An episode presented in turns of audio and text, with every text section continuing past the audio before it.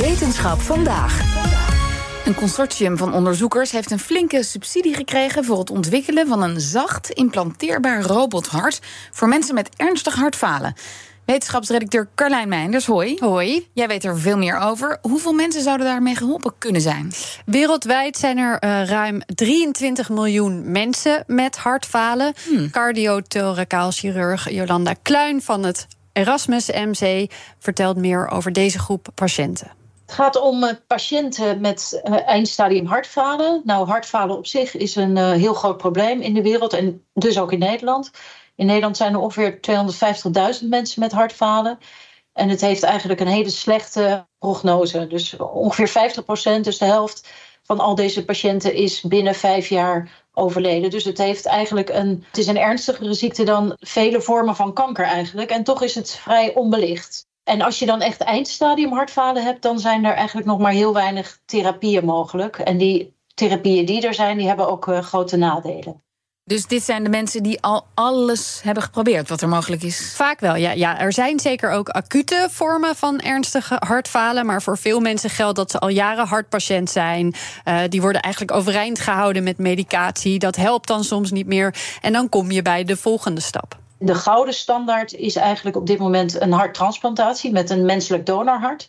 Uh, maar ja, zoals je weet uh, zijn, is daar een ernstig tekort aan, aan hartdonoren dus ook zeker niet voor iedereen uh, is, komen daarvoor in aanmerking. Dus het is echt voor een hele specifieke groep die verder in hele goede gezondheid is, over het algemeen nog vrij jong.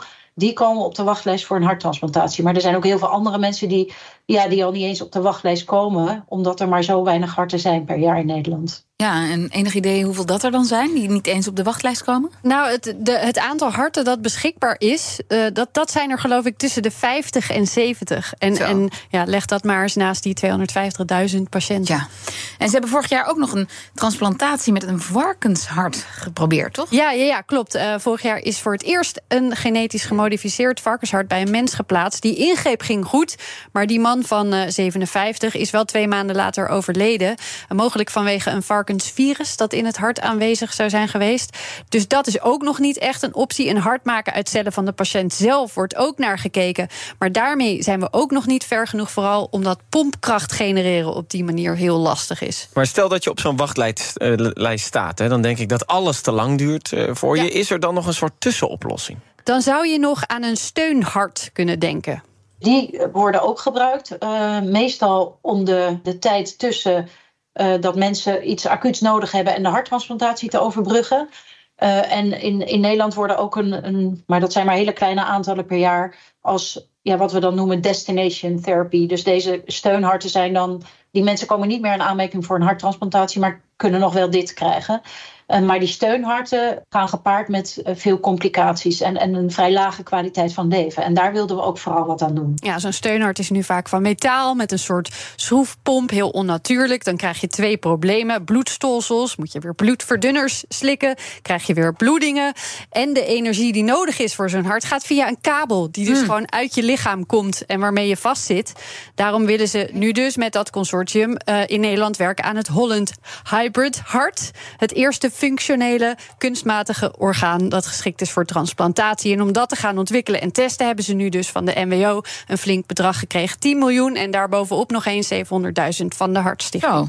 En, en hoe moet ik dat kunstmatige hybrid hart dan voor me zien? Ja, het is een zacht robothart met een binnenbekleding van cellen van de patiënt zelf. Mm. Uh, hierdoor moet het eigenlijk in zoveel mogelijk opzichten een echt menselijk hart nabootsen. En, en wie, van wie komt dit idee?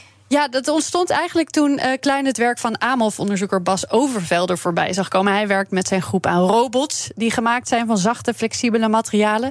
Die ook nog eens zelf kunnen reageren op veranderingen in de omgeving. En toen ze dat zag, dachten ze: ja, dit moet toch ook mogelijk zijn voor een hart. Okay. Ze hebben al een eerste project achter de rug van vijf jaar. Daarin hebben ze ook al een prototype in een dier getest, waarbij dat dier niet meer bij kennis kwam, maar het wel een uur op dat hart heeft geleefd. Langer mochten ze dat toen niet testen. En dit zal in de toekomst na een aantal jaar doorontwikkelen in het lab weer moeten gebeuren om te laten zien dat het werkt en dat het veilig is. En, en wat hebben ze dan al geleerd uit dat eerste project? Eén uh, belangrijke les had betrekking op het materiaal. Dat we vanaf het begin, als we aan een bepaald prototype werken, een idee moeten hebben hoe we dat op termijn zo kunnen maken dat het ook jarenlang meegaat. Dat het ook jarenlang kan kloppen. En dat is in de zachte robotica is men nog niet erg bezig met hoe duurzaam iets is.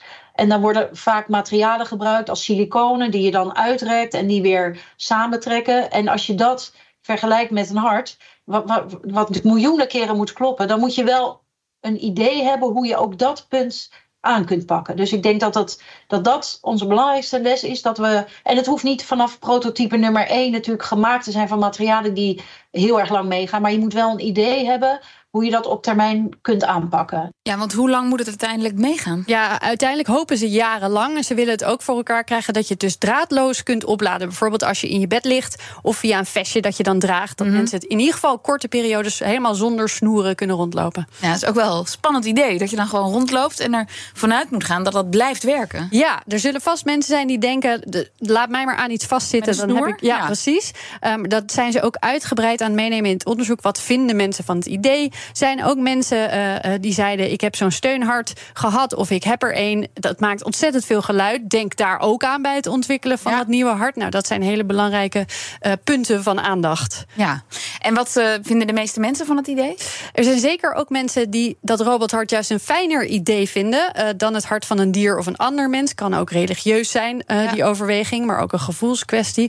Dus er is een groep die heel positief daarover denkt. duurt nog wel even voor het zover is, moet ik er nog even bij zeggen. Dit project gaat zeven jaar lopen. Gaan ze nog heel veel mensen vragen: hoe kunnen we dit nou het beste voor jullie als patiënten ontwikkelen? Uh, en ze hopen ook dat er voor die tijd al van alles uit het project komt. Maar uiteindelijk het doel dus dat hybride hart voor mensen met ernstig hartfalen. En daar is dus nu heel veel geld voor. Dankjewel, Carlijn Meinders. Ook Harm Edens vind je in de BNR-app. Je kunt BNR Duurzaam niet alleen live luisteren in de app, maar ook terugluisteren als podcast, zoals al onze podcasts.